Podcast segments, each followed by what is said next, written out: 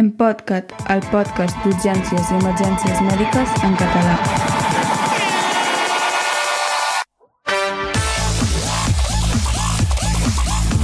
Hola, benvingudes a un nou episodi de l'Empodcat.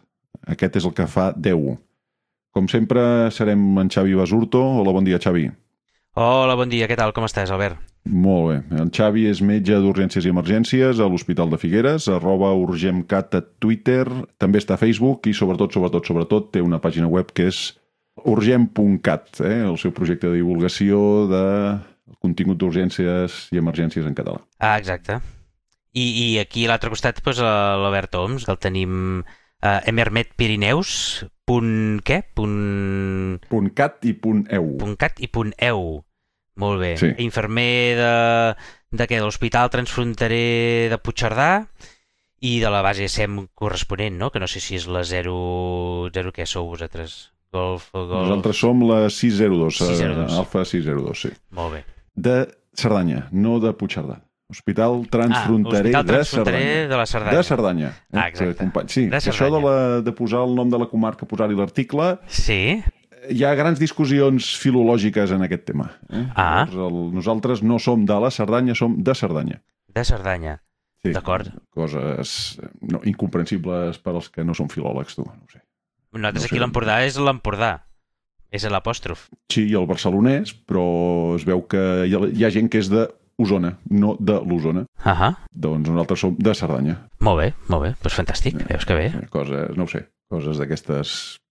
Algú, si algú, escolta'm, si algú ens escolta i sap per què, nosaltres estem oberts a escoltar-ho tot. plegat, Eh? Sí, sí, que ens ho expliquin, que ens ho expliquin. Molt bé. Bueno, eh, què tenim per avui, Xavi? Què ens portes?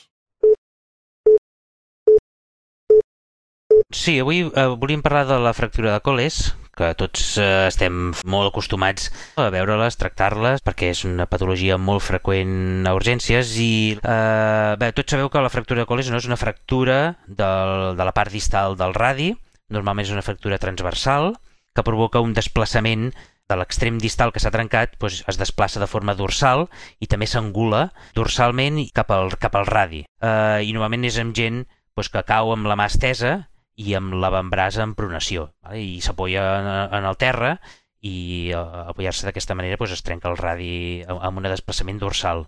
Hi ha fractures similars, hi ha la fractura de Smith, que és la fractura de coles inversa, doncs, que el, el fragment distal, en lloc de desplaçar-se de forma dorsal, es, desplaça, es desplaça de forma eh, ventral, de forma anterior. Vale? És una fractura més inestable que la fractura de coles. Tenim la fractura de Barton, que la fractura és una fractura també de l'extrem distal del radi, similar al coles o a l'Smith, però que només eh, que, que hi ha un fragment, és una luxació així de, de només una part anterior o de la part posterior del radi. I és una fractura intraarticular, també inestable. Hi ha la fractura de Hutchinson, que també es diu la fractura del conductor, que és una fractura també intra, sí, molt similar a la, a l'alcoholes o la de Smith, però també afecta intraarticularment i afecta l'apòfisi estiloides del radi. És la, se'n diu fractura del xòfer perquè eh, recordeu abans els, no sé, abans quan van començar a sortir els cotxes que s'engegaven amb una manivela que no sortia el conductor fora i amb una manivela donava voltes a, amb, un, amb una palanca i doncs, de vegades el motor feia com un, com un sotrac i aquella manivela que l'estava agafant el conductor amb la mà donant-li voltes doncs, quedava frenada i aquest, forma aquest fre, aquest fre doncs, feia que es trenqués la- estiloides del radi. I això és la fractura del, del conductor o de Hutchinson. Són fractures Motor distals d'arrencada motor d'arrencada eh, manual. humà. Eh? humà. Exacte. Doncs són les diferents fractures distals del radi. Avui ens centrarem en la fractura de coles, que és la més eh, habitual. O sigui, una de cada sis fractures que veiem és una fractura de coles i és de les més freqüents eh, en, almenys amb gent adulta. Veiem dos, dos pics d'edats, gent jove, o sigui, la més freqüent és amb gent gran, eh? a més de 65 anys, que és amb un traumatisme de baixa energia, però amb un pacient que normalment ja té osteoporosi, eh, i aleshores res, només que, que caigui, apoyi amb la mà estesa al terra, és fàcil que es trenqui la part distal del radi. I en l'altre pic és amb gent jove, menys de 18 anys, però aquests ja es, es trenquen perquè és, és un impacte d'alta energia, no? Gent que va amb el patinet, amb el monopatí o esquiant, a alta velocitat doncs, cauen contra el terra i es trenquen, igual que, que es trenca la gent gran, però que aquests necessiten alta energia. què més? Uh, D'entrada, quan veiem una fractura de coles hem de veure si ja serà una fractura estable o inestable. Ja podem saber-ho abans de fer-li res. El fet de que sigui estable o inestable només ens està dient la, la capacitat que tindrà aquella fractura de resistir el desplaçament un cop reduïda. És a dir, intentar identificar quines fractures tenen un risc de desplaçar-se, de fer un desplaçament secundari un cop ja les haguem reduït. Això vol dir que seran fractures que si es desplacen un cop que les has reduït, quan ja has posat la fèrula i tal, però al cap de dos dies els, el, el fragment distal torna a estar desplaçat i tot desmuntat, és més fàcil que aquesta persona acabi amb una indicació de, de fer una, una osteosíntesis, no? una, una, una reducció quirúrgica oberta i començar a posar claus, cargols i tot això que fan els, els cirurgians traumatòlegs doncs eh, és el que ens identifica la fractura estable i inestable, eh? la, la probabilitat de que es desmunti un cop posada la fèrula i immobilitzat. I per tant, indicació quirúrgica si veiem que aquesta persona necessita la mà per, per, per viure, per treballar i, i per fer una vida normal. Aquesta definició d'estable i inestable apareix en qualsevol article que busquem sobre fractura de coles, a tots parlen de que si la fractura és estable o inestable. Però, curiosament, no està gens clar quins són els criteris que defineixen el que és una fractura estable o inestable. Tenim una revisió sistemàtica del 2015 que van fer un agent dels Països Baixos i que mm, inclouen 479 estudis i en aquests, i en aquests 479 estudis que parlen de fractures de, de coles i parlen en el, en el no, criteris d'inclusió i exclusió doncs que siguin estables inestables tal, i trobem fins a 143 definicions diferents sobre el que és una fractura estable o inestable distal del radi. 479 estudis? Mare de Déu, el becari, pobret, deu estar desesperat, eh? Uh, sí, però bueno, depèn de que la gent que siguin en aquest estudi i del temps que hagin pogut dedicar-hi. És qüestió de paciència. Eh? En aquest van veure que tots els criteris menys un, tots els criteris dels 140 i pico, de, van seleccionar doncs, els, de, els, em sembla que eren els 7 més freqüents, vale? perquè n'hi ha alguns que, que, criteris que només apareix en un estudi. Doncs dels que es van repetint, tots, tots, tots menys un, són criteris definits sense una base científica amb un, amb un estudi clínic. Són opinions d'experts. Només n'hi ha un, que és el, els criteris de La, Font, la Fontaine, eh, La Fontaine, del 1989, que aquest sí que van fer un estudi, és un estudi de cohorts retrospectiu de 167 casos que van analitzar quines característiques de les fractures feien que fossin més estables o més inestables. És l'únic, el La Fontaine del 1989.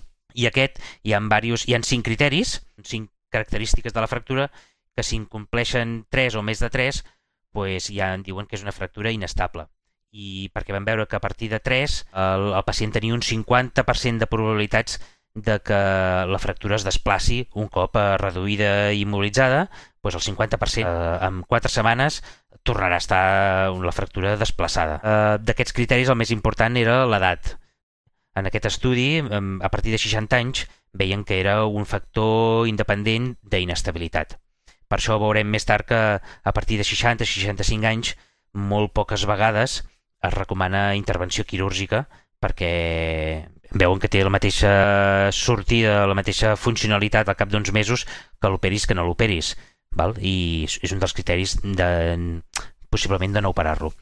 Què més? Eh, criteris de la Fontaine són que hi hagi una angulació dorsal del fragment distal de més de 20 graus, una fractura que sigui a la zona dorsal que es vegi una fractura comminuta, que hi hagi una afectació articular de la fractura, que hi hagi una fractura de l'apòfisi estiroides del cúbit i que tinguis més de 60 anys. Tres o més de tres d'aquests criteris, doncs ja pots dir que això és una fractura inestable. Si tens menys de 60 anys, doncs això ja seria un criteri per programar el pacient perquè al cap d'un dia, dos dies, tres dies, doncs l'operin. L'altre criteri d'inestabilitat és un desplaçament secundari després de la reducció. És a dir, sempre que fem una reducció d'una fractura de coles, li poses un, una fèrula i li fas una placa de control. Però si quan li fas la placa de control torna a estar desmuntat amb aquests 10 minuts, 15 minuts o 20 minuts que passen, torna a estar el fragment desplaçat, doncs és, és una cosa més, la més òbvia de que la fractura és inestable, perquè no, no t'ha aguantat ni mitja hora. Això assumint que ho hagis, fet, hagis reduït bé la primera vegada. Sí, eh, que en principi ja ho has de... Tu quan... Eh, també es pot fer per escòpia no? o per ecografia, però normalment si tu mires la fractura de coles té una forma de forquilla i quan el redueixes fent una mica de tracció i tal ja veus que desapareix la forma aquesta de, de forquilla i, i amb, amb aquest desplaçament i, i toques amb els dits i, ja, i tu ja veus que redueixes la fractura. Per tant, mm, si fas la placa de control i està igual que al principi, vol dir que tu li has posat a lloc, però a la, a la que has deixat de fer pressió, tracció i no sé què, allò torna a desplaçar-se. És que s'ha bellugat. Doncs és una fractura inestable. Per tant, tenim aquests dos criteris. Un, abans de tocar la fractura, que és amb els, amb els criteris de la Fontaine, i l'altre és que un cop immobilitzat i amb la fèrula fas la placa de control i està igual que al principi. Vale? Això són fractures inestables. Vale, ara eh, tocaria intentar començar a fer alguna per, per eh, millorar aquesta fractura i hem de posar una mica d'analgèsia o anestèsia. No tenim molt clar què és el que necessitem.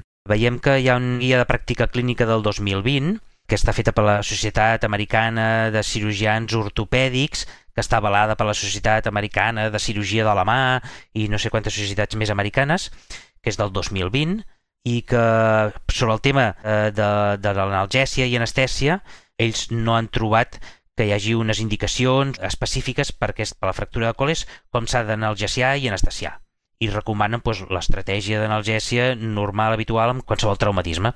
I aquesta és el que en diem l'analgèsia multimodal. I també recomanen doncs, estalviar o intentar no abusar de forma sistemàtica de l'ús d'opioides. L'analgèsia multimodal no sé si n'hem parlat alguna vegada, però bueno, és intentar portar en el pacient analgèsia per diferents vies d'administració i amb diferents mecanismes eh, farmacològics o no farmacològics que actuïn per diferents vies, o sigui, diferents sistemes per diferents vies d'administració. Uh, M'explico. Ja d'entrada, eh, el pacient intentar posar-lo en un lloc més tranquil, eh, menys soroll, amb menys tràfic de pacients i de personal i tal, un lloc tranquil. Si és un nen, doncs també ens ajuda a la distracció. Això disminueix el dolor. Podem fer servir analgèsia inhalada, l'òxid nitrós. Nosaltres el tenim allà als boxos de trauma i mentre està esperant que li facin la placa o mentre està esperant que nosaltres preparem tot el material per fer la reducció i tal, doncs el pacient pot estar inhalant tranquil·lament òxid nitrós. O mentre el pacient està pendent de la placa, no cal millor que ni, ni, ni que li posem una via, li pots posar fentanil eh, intranasal o un, un i mig eh, microgram per quilo o li pots posar ketamina no? a 0,75 o un mil·ligram per quilo, o li pots posar dosis baixetes de midazolam per, per, per calmar una miqueta, si té una miqueta d'estrès, una miqueta de dolor i tal, eh, ens pot ajudar. I si no, també podem fer servir l'analgèsia intravenosa. Val? Li podem posar un antiinflamatori, per exemple, paracetamol, o si té molt de dolor, li podem posar mòrfic, o fentanil, o ketamina. La qüestió seria intentar jugar l'analgèsia multimodal vol dir jugar amb totes aquestes coses. Vull dir que no, només, no ens basem només en un, en un sistema d'analgèsia.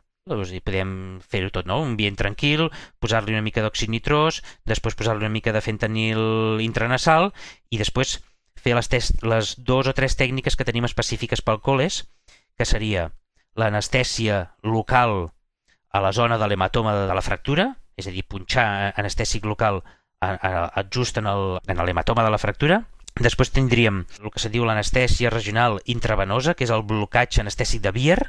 Vale? El Bier era el, no sé si era cirurgià o anestesista o què era, en 1800 i pico va, va dissenyar aquest sistema d'analgèsia regional, que és a través d'aplicant pues, un, una, un anestèsic eh, intravenós. I després l'altre sistema que tindríem seria la, la, la que fem servir també altres, en altres patologies, com una luxació d'espatlla i tal, doncs una pseudoanalgèsia, és a dir, dormir el pacient per poder fer la reducció.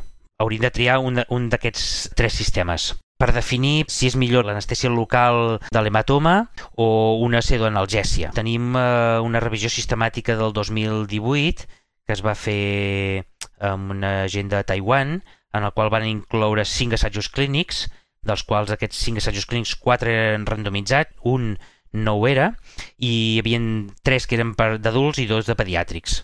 En aquesta revisió sistemàtica del 2018 van veure que l'anestèsia local és una alternativa segura i eficaç tant en nens com en adults i no és inferior a la pseudoanalgèsia. Per tant, si ho pots fer-ho amb una anestèsia local, eh, és igual d'eficaç per treure el dolor i per aconseguir una bona reducció que la pseudoanalgèsia. Jo penso que és més fàcil, més ràpida i més segur fer una anestèsia local. L'altra seria l'anestèsia regional intravenosa, que és el, el, el que hem dit abans, el blocatge anestèsic de Bier, que això consisteix en primer fer exsanguinar l'extremitat afectada, que és eh, pues, posar-la en contragravetat, amb una vena, amb un smart, eh, embolicar-la per fer tot el drenatge venós, després posar-li un doble torniquet i després un cop fet això pues, injectar anestèsic eh, local, sigui lidocaïna o prilocaïna endovenosa i fer que això faci que tota l'extremitat quedi anestesiada. Eh, és una tècnica més complicada, és una que requereix més temps, més experiència, i jo no l'he vist fer mai servir a urgències. Jo tampoc. I eh, em sorprèn per això que sent, clar, sí. la societat de traumatòlegs, però justament i sent americà sí. m'estranya que no parlin de bloquejos nerviosos. Uh, Allà tenen sí. especialitat de medicina d'urgències on part del sí. seu currículum inclou els bloquejos nerviosos normalment sí. guiats amb ecografia sí. i tal. Aquí jo crec que intentes fer sí. qualsevol d'aquestes últimes coses que has dit. Eh, la sedonalgèsia ho trobo que bé sí. és un matar mosques a canonades, però lo de la l'anestèsia sí. regional venosa, jo crec que fas això i els anestesistes sí. de casa teva se't mengen amb patates. Eh? Segurament, segurament. De fet, jo penso que entre l'analgèsia multimodal i que després li facis una anestèsia local en l'hematoma de la fractura, penso que tenim més que sobres. El, ens podem trobar amb el problema que, per exemple, l'anestèsia local de l'hematoma amb pacients que porten ja bastantes hores de la fractura, que l'hematoma ja, doncs ja es comença a consolidar o ja no és tan fàcil aspirar. Quan, quan entres per fer una anestèsia local has d'aspirar una mica de sang, i l'anestèsic entra fàcilment. Si ha passat moltes hores, allò deu quedar ja més trombòtic i la sang està més coagulada i costa més d'infiltrar. Aleshores, en aquests casos que porten diverses hores, eh, més de 6 hores eh, de la fractura, poder t'has de començar a plantejar algun altre sistema que podria ser la, la sedonalgèsia perquè millor l'anestèsia local és, és més complicada. Sabem que l'anestèsia local, no? primer hem de netejar la, la pell amb alguna solució antisèptica i després amb una xeringa de 10 mil·lilitres no? i poses, carregues entre 5 i 10 mil·lilitres d'un anestèsic local. Nosaltres, per exemple, en a urgències de Figueres tenim la mepivacaïna al 2% i res, amb això, pues, amb una agulla d'un calibre, de, per exemple, de 22G, que són les verdes, i injectes en la zona dorsal, intentant entrar dins el focus de la fractura, aspires i quan vegis que t'entra sang dins la xeringa eh, vermella de l'hematoma, doncs allà injectes a poc a poc perquè així li fa menys escuissor i menys dolor a l'anestèsia i després eh, t'esperes 15 minuts. Sapiguem que els anestesis locals tenen les seves dosis màximes, eh? que en un adult són 7 mil·lígrams per quilo i en nens són 5-6 mil·lígrams per quilo. Què més? Un cop el pacient té una anestèsia, ja no li fa mal la zona de la fractura, l'hem de reduir. També tenim diverses tècniques per reduir-les. Com ho feu vosaltres, Albert? Depèn de cada traumatòleg o de cada metge. Va canviant. Recordo com una mena de canvi, és a dir, antigament fèiem tracció i contratracció, la Va. tracció fèiem servir el lloc que n'hi dèiem atrapa muchachas, que és aquella mena de malla metàl·lica que aixeques els dits, o tenies el tio catxes tibant dels dits, normalment sí. un parell o tres de dits i el polze per separat, sí. cada una mà cada sí. banda, i teníem un altre fent contratracció. Tibàvem aquí i després el, sí. el metge, doncs, un cop havia estivat que ja t'ho portaves a puesto, el metge feia una pressió de dorsal cap a ventral sí. i feia baixar el, el fragment. Això, és, això era el que fèiem habitualment abans, i ara anem, la pressió dorsal la fem igual, sí. però cada vegada fem menys tracció i contratracció. Sí. No sé si Val. és perquè la tracció contra Val. tracció no cal tant o perquè... no ho sé. No, i la tracció com la feu vosaltres? O sigui, un aguanta el braç per un costat i l'altre estira els dits per un altre? Encara ho feu així o no? Bueno, el que aguanta el braç també pot ser un llençol lligat on correspongui. Sí. Però sí, sí, sí. Això és el que fèiem abans. Ara ja m'atreviria a dir que només un aguantant... O sigui, tibant bastant poquet. Jo no, no, no recordo les últimes vegades. Allò que abans havies d'estar allà tibant, que t'hi tiraves d'esquena i tot i tal, això vale. no ho recordo. Sí, sí, sí. Pues nosaltres igual, eh? Nosaltres et diria que encara això que no sé com... I ho he buscat en català i crec que no existeix la paraula cazamuchachas. Que a sobre eh, no només no és en català, sinó que a sobre és sexista amb ganes, eh? sí, sí, sí, sí, no sé, jo ho he buscat i no ho he trobat. I en anglès és finger trap, com trampa de, trampa de dits o alguna així.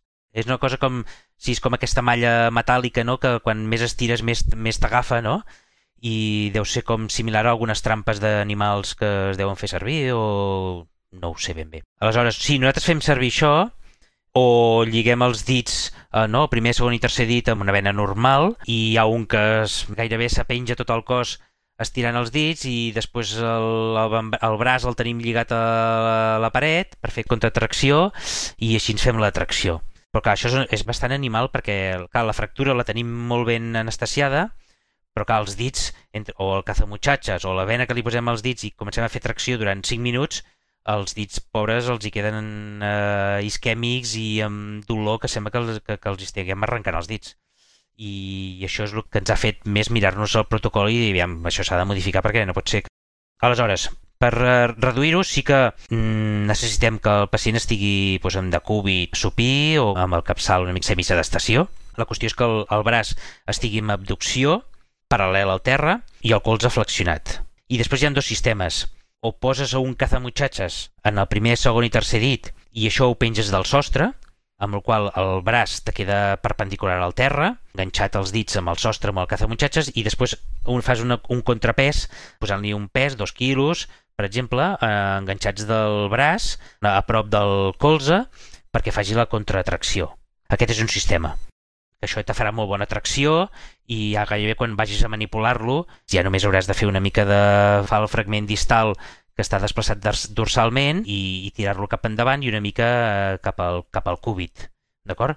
Uh, això és un sistema i l'altre és exactament el mateix, el pacient estirat, amb el braç amb abducció, amb el colze a 90 graus, però el que és el braç-braç, en lloc de tindre el vertical com abans, el tenim paral·lel al terra, vale? amb el qual en el primer, segon i tercer dit doncs, o hi posem un caza de muchachas o hi posem una, una vena i algú farà aquesta tracció paral·lel al terra mentre tenim el braç enganxat eh, amb algun sistema de corretges o alguna cosa contra la paret perquè aguanti el que està fent tracció el braç no se'n vagi cap endavant.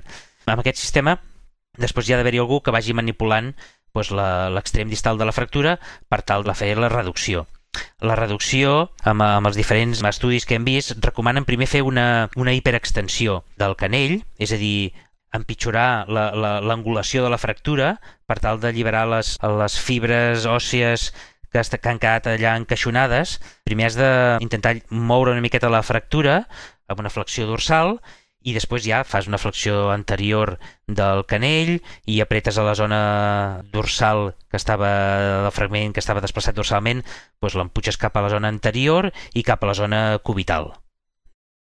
Després vindria, un cop creiem que ja hem reduït bé la, la fractura, immobilitzar-la. Hem de reduir i mantenir aquesta reducció. Val?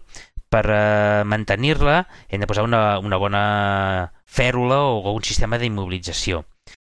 Hi ha, dos, hi ha dos dubtes aquí tenim. Immobilitzem eh, per sobre o per sota del colze. La recomanació més estesa és eh, immobilitzar-ho per sota del colze és a dir, no cal immobilitzar el, també el, amb una fractura de coles, no cal immobilitzar el colze. Tenim un assaig clínic fet al Brasil del 2021 amb 128 pacients i que miren la si hi ha alguna diferència entre immobilitzar el colze o no immobilitzar el colze amb una fractura de coles i vam veure que no, no hi ha diferències amb, amb, a, a nivell funcional, a nivell de dolor, entre fer una cosa i l'altra. Sí que la fèrula curta sí que vam veure que es tolerava millor que no pas immobilitzar també tot el, tot el que és el colze. Per tant, mm, a no ser que hi hagi algun motiu especial, el que posem per immobilitzar eh, per sota del colze. Després hi ha l'altre dubte de si com hem de posar el canell, si l'hem d'immobilitzar en posició funcional o amb una mica de flexió anterior i, i desviació cubital. I hem trobat una, un assaig clínic randomitzat del 2020 fet a Finlàndia, en el qual van incloure 105 pacients. Són pacients eh, de 73 anys, 88% són dones, que és el, que, el típic pacient habitual que veiem en una fractura de coles, eh, que comparaven posar una fèrula curta, és a dir, no immobilitzant el, no, no immobilitzant el colze, però uns en posició funcional i l'altre en flexió anterior i desviació cubital. I tampoc van veure diferències entre fer un sistema i, i l'altre. Vull dir que, que en principi amb una immobilitzar-lo en posició funcional és eh, suficient. En posició funcional i amb una fèrula curta és el que li convé al pacient. Un cop posis la fèrula, en molts llocs parlen de moldejar aquesta... O sigui, no senzillament posar-la i embolicar-ho i ja està, sinó que un cop l'has posat i comença a estar una miqueta eh, consistent al guix, s'ha de fer una mica de pressió en la zona de la fractura cap a la, amb la posició que tu vols que quedi, que se'n diu moldejar, no? moldejar la, la, la fèrula, perquè un cop quedi seca doncs que la fractura no es desplaci i quedi en el, es mantingui la reducció. Posar la fèrula i després moldejar-la una miqueta, això és important. Que més, eh, després ens tocaria fer la, la placa de comprovació, en la qual a la mateixa guia de pràctica clínica que us he dit al principi de l'analgèsia, eh, en aquests ens recomanava eh, fem, fem la placa de control per veure com, com ha quedat, no? Eh, indicacions d'intervenció quirúrgica en pacients de menys de 65 anys, ho veurem amb aquesta placa de control.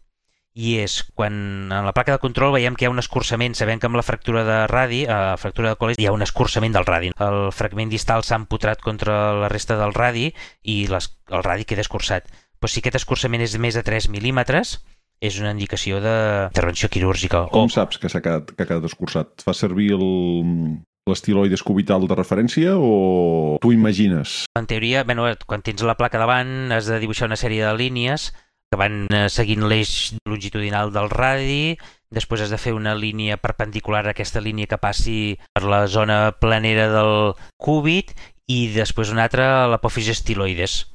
Vale? I si aquesta diferència és de més de 3 mil·límetres, doncs és que s'ha enfonsat el, el radi de sol explicar les angulacions els escurçaments i eh, això és una miqueta difícil.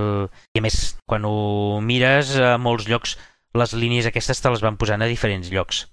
Si voleu després ja, ja ho posarem en, la, en el blog perquè quedi més, més fàcil d'explicar.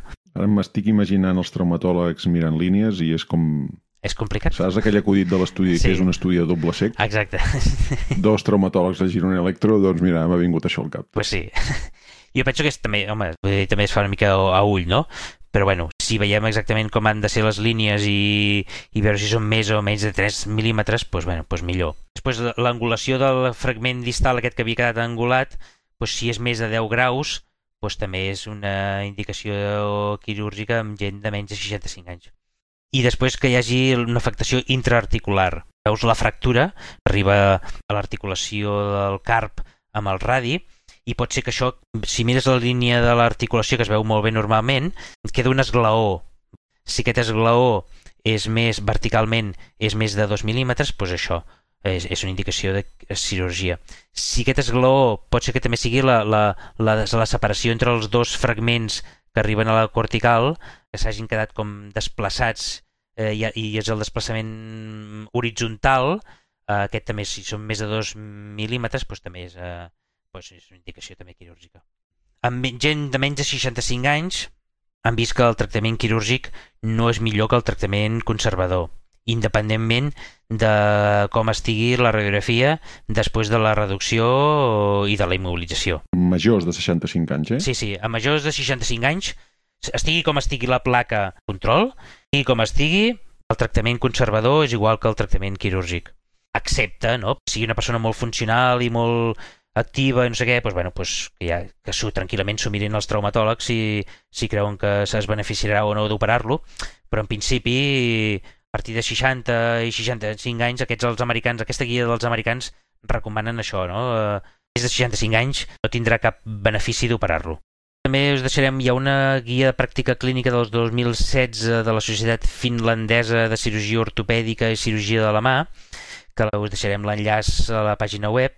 Està en finès, però bueno, amb el Google Translator es, es tradueix tot fantàsticament bé i és tota una guia bastant actualitzada de tota la fractura de coles, de l'analgèsia, la reducció, la immobilització i els criteris quirúrgics i tot això, que jo recomano que us la mireu perquè està força bé. Una, una recomanació molt exòtica, eh? Una recomanació en Suomi, tu.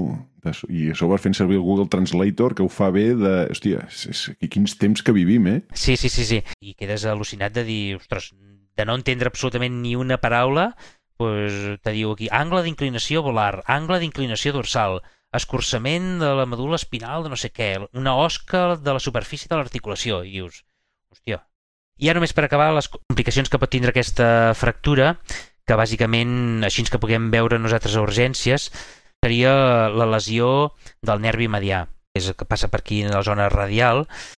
Sempre que veiem una fractura de coles, abans i després de reduir-la, doncs, intentar fer una mica d'exploració del nervi medià, que vol dir mirar la força muscular i la sensibilitat. Força muscular del nervi medià seria veure com, és, com té la força de fer la pinça.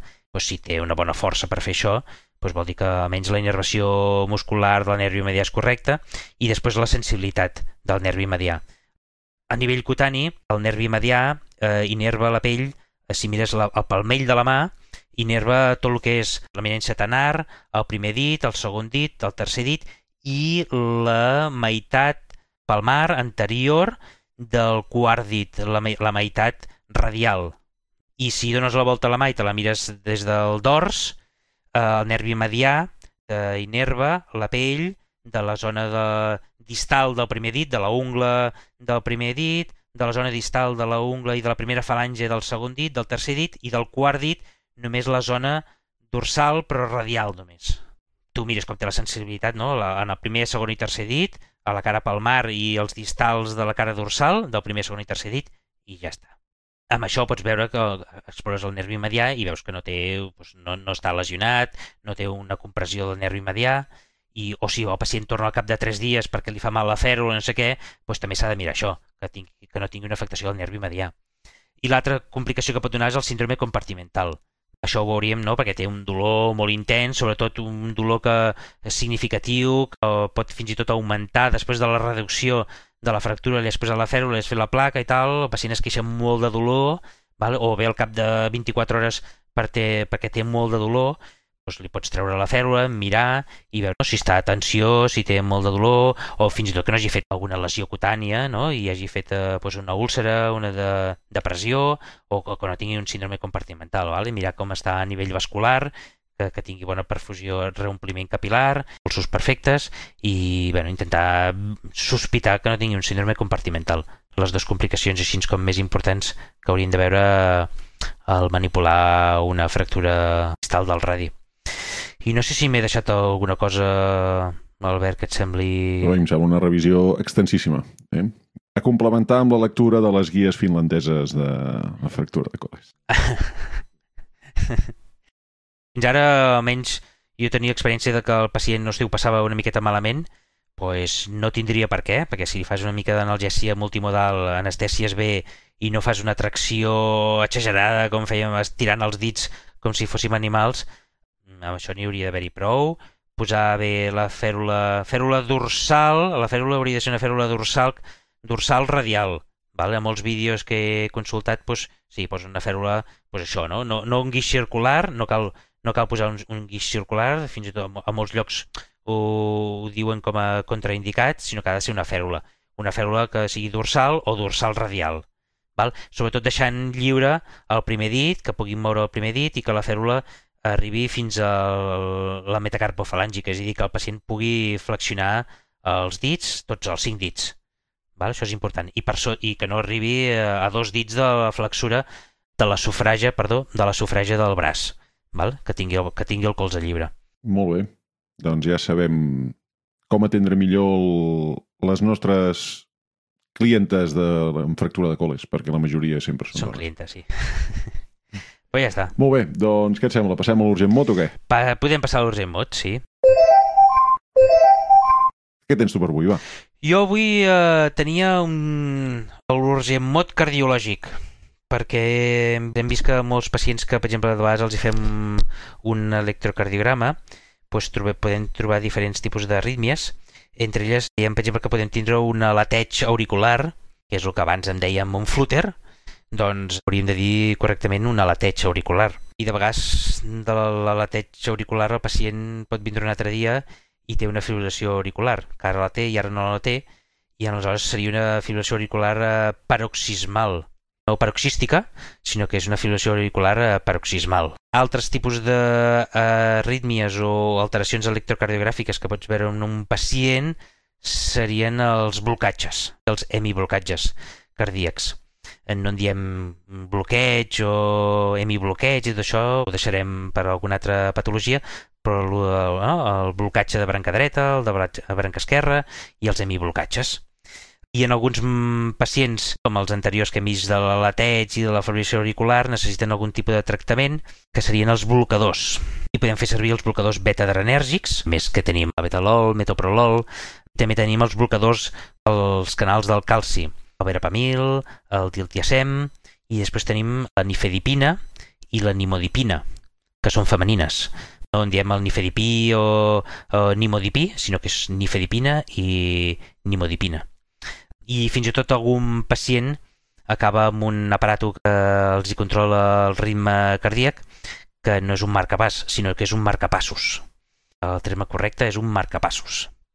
I, no sé, eh, vull fer il·lusió això, repassar quatre termes cardiològics que podríem utilitzar mm, termes correctes en català i no fer servir els altres termes que ens venen d'altres llocs i tenim un terme català per definir-los. Molt bé. No sé si tu, Bert, te n'havies mirat algun que et fes gràcia? Doncs mira, jo no sabia massa bé què buscar i remenant el que tens escrit a la teva pàgina web m'ha agradat molt, molt, molt, molt. Com n'hi diem, el flapping tremor. Sí, ah, sí, és molt maco aquest. Sí, sí. El nom, suposo que el nom llatí d'això és l'asterixi, Asterixis deu ser en llatí, Asterixi en català, Astèrix a casa meva. Astèrix. Som fans, tenim tota la col·lecció d'Astèrix, crec. Sí. O sigui, bueno, tota la col·lecció clàssica, eh? perquè s'han mort el Goscinny i l'Uderso i encara segueixen fotent llibres eh, d'algú altre que Sí. dibuixa i guiona i tal. Sí, Bueno, però el nom que m'ha agradat és el sinònim d'Asterixi, que és tremolor d'esbatec. tremolor d'esbatec. Preciós. Eh. És preciós. Sí. A més a més, una reminiscència rural tremenda. Tremolor d'esbatec. Un esbatec. Aquesta me l'apunto, que és nivell sufragi, eh? Nivell sufragi. Home, és bastant descriptiu, no? Perquè l'Asterix i això costa d'entendre què està dient, però l'esbatec, no? Sí que el, el pacient va fer així amb els, no? amb, el, amb els canells, amb els dits, i és un, com un esbatec, sí, sí. Tremolor d'esbatec. Sí, sí, sí, sí. Val. Posarem un vídeo on que es veu ben bé el perquè d'aquest nom. Eh, I ens posem deures a veure aquest eh, finger trap que hem dit avui, a veure Sí, si el Termcat no ho té, els hi haurem de fer una proposta. Sí. Eh? Senyors del Termcat, eh, finger trap, hem de buscar una manera de dir-ho, eh? Que no sigui que, que se... caça noietes, eh? que això serà... Se'ns mengen amb patates. no sé com en podríem dir, no ho sé. Uh, Bueno, trampa de dits, mira. sí, Bueno, a veure què diuen, a veure què diuen els sapis, tu. els hi podem dir, els hi podem dir. Molt bé. Què més? No, ara toca recomanacions, ara. Val, tu què tens? Has vist alguna cosa a les xarxes que t'hagi interessat o què? Doncs mira, fa pocs dies vaig trobar-me una cosa encara més ninxo que nosaltres, però vaig pensar, ep, això pot ser interessant. Interessant per aquí, per estudiants d'infermeria. Ah, Un xicot tècnic d'emergències sanitàries que va estudiar infermeria, crec que deu haver acabat fa ben poquet, sí, ha tingut a bé de fer un blog en el qual bàsicament comparteix tots els seus apunts de la carrera. sí, Jo els he repassat així una miqueta per sobre i m'han semblat infinitament millors que els meus, això no és cap mèrit, ho sento, sí. Però- I més actualitzats, i més eh, actualitzats. sens dubte. Eh, I m'han semblat... Bueno, ho he vist molt bé. Pensat, ep, això els estudiants, estudiants d'infermeria, si és que algú ens escolta, eh, apunteu-vos a aquesta web, bonesvenes.com, Ah, molt bé. hagués pogut ser bonesvenes.cat, bueno, bonesvenes.com, Sí, i el Carles, em sembla que es diu aquest jove, i té tots els seus apunts i la veritat, escolta'm, us estalviareu una bona feina. Va, mira, hi dedicaré una estona més a revisar. molt bé. I els té ben editats o no? Està allò xulo... Està, ei, Sí? Nivell 7 ciències tremendo, eh? Tremendo, tremendo. No, no li ha d'anar a demanar els apunts a l'empollon de classe. Agafeu els seus, que són molt bons. Hosti, això a mi m'hagués anat molt bé, per... bueno, ja em anava bé, eh, perquè ja trobava gent que agafava bons apunts, però clar, eren escrits a mà i fotocopiats mil vegades i costava el seu... Ja, em sembla que només ja aprenia medicina, només d'intentar entendre el que posaven, doncs ja et quedava... Ja, et quedava, ja ho aprenies, saps? I estàs segur que no et van fer la pirula i no van afegir cap malaltia inexistent només per fotre? Ja podria ser, ja podria ser. Però és que jo era negat, jo per agafar punts, eh, fua, la meva lletra no me l'entenia ni jo, necessitava, necessitava el suport d'algú que, que m'ajudés a agafar punts, perquè jo, no, jo sol no era Bueno, capaç. i almenys vas triar bon ofici. Si no t'entenies la lletra, vas triar Ah, sí, l'ofici sí. ideal. Sí, sí, sí. sí. Molt bé, i tu què tens, va, per aquest episodi? Doncs mira, jo volia recomanar-vos un grup de gent molt trempada i molt ociosa d'aprendre i de compartir coneixement, que és el grup de treball que se'n diuen Socmuemir. Són gent que estan fent eh, el MIR, sigui el MIR de família, d'interna o d'intensius en hospitals catalans i que doncs, els agrada molt doncs, les guàrdies urgències, la feina urgències, i aleshores s'han reunit i han fet un, un grup de treball dins de la SOCMUE. I són força actius, val? els podem veure, els podem seguir a través de Twitter, que són socmue-mir, els podem seguir també, una, tenen un blog, una pàgina web, que és residentsurgències.wixsite.com i allà van penjant doncs, diferents... Eh, per exemple, fan una, una, un seguiment d'unes càpsules que en diuen les càpsules de l'expert, en el qual han, conviden a diferent gent que coneixen i que tenen confiança i tal, a que els hi parlin de... El mateix que fem nosaltres ara, no? de dir, pues, avui anem a parlar d'alcoholes, avui anem a parlar de, de les situacions de múltiples víctimes, doncs ells contacten amb gent i que els hi fan una, una xar... no és una entrevista sinó que és el, el ponent, el que l'expert que entre cometes, doncs que durant 15 minuts o així doncs explica un tema concret, no? I en tenen forces ja fetes, no sé si n'hi havia com una vintena o alguna cosa de càpsules aquestes que en diuen, que són vídeos d'això de 15-20 minuts, que són interessants, molt, que estan molt bé. Pengen situacions o casos clínics a través no, de fils del Twitter, de casos clínics que han vist ells, i també, per exemple, eh, participen en els congrés d'urgències de la SOCMUE, i, per exemple, ara el, el congrés que hi ha ara a finals de març, principis d'abril, ells tenen un taller que també l'organitzen ells, el grup de, la, de Soc Moemir. I no, per la gent que ens pugui escoltar ara aquest podcast, que gent jove que estigui fent eh, el MIR, i que els agradi les urgències, pues, eh, jo us recomanaria que, que us aféssiu d'aquest grup perquè no, compartim interessos i això pues, eh, sempre s'aprèn molt més que no anant per lliure intentant espavilar tu sol. I això és el que us volia compartir avui. Molt bé. Doncs a veure si aviat aquest grup del SOC Moemir pot ser de MIRs d'urgències i emergències. Eh? Exacte. Sí, sí, i això ho tenen com una primera objectiu, eh? Tot arreu on estan escrivint coses, al Twitter i el, en la seva web i tot això, allò... especialitat d'urgències ja. Senyors del Ministeri, poseu-vos les piles ja, home, que som el, serem els últims, que ja només queda Portugal i nosaltres. Per favor, poseu-vos les piles ja. Ep, que ara que editava aquest àudio he pensat que caldria fer un aclariment. Quan parlem del Ministeri ens referim al Ministeri de Sanitat del Regne d'Espanya. I això del MIR és el nom que rep la formació d'especialització dels professionals sanitaris. E, M per metge. Els altres professionals sanitaris tenen la seva abreviatura també. I també és el nom que li donem a l'examen per poder-hi accedir. En el cas de l'estat francès seria una cosa semblant als exàmens ECN que es fan durant la carrera de Medicina. Ja per fer l'aclariment, tornem al podcast. Ja ho sento jo això des de fa 20 anys estic en aquest ofici, ja ho sentia eh, des de fa 20 anys, i quan ja veig un ministre que diu sí, sí, aquest any abans de les eleccions farem l'especialitat i jo ja no, no me'ls crec. Tinc molt poques esperances. Hi ha molts interessos en aquí i no sé si serem capaços de fer-ho això. Però bueno, s'ha d'intentar. Haurem d'anar pensant mètodes subversius d'alguna mena. Hem de mirar una miqueta més enllà dels Pirineus. Vosaltres que esteu a prop d'Europa... Alguna idea perversa tinc per aquí. Llàstima que no acompanyin gaire.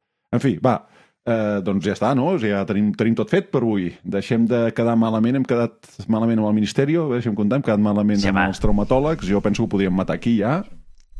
No, busquem, no ens busquem més enemics i ho deixem aquí.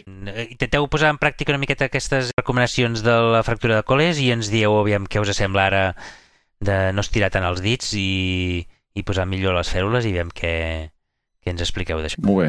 Vinga, fins la propera. Vinga, que vagi molt bé. Fins ara.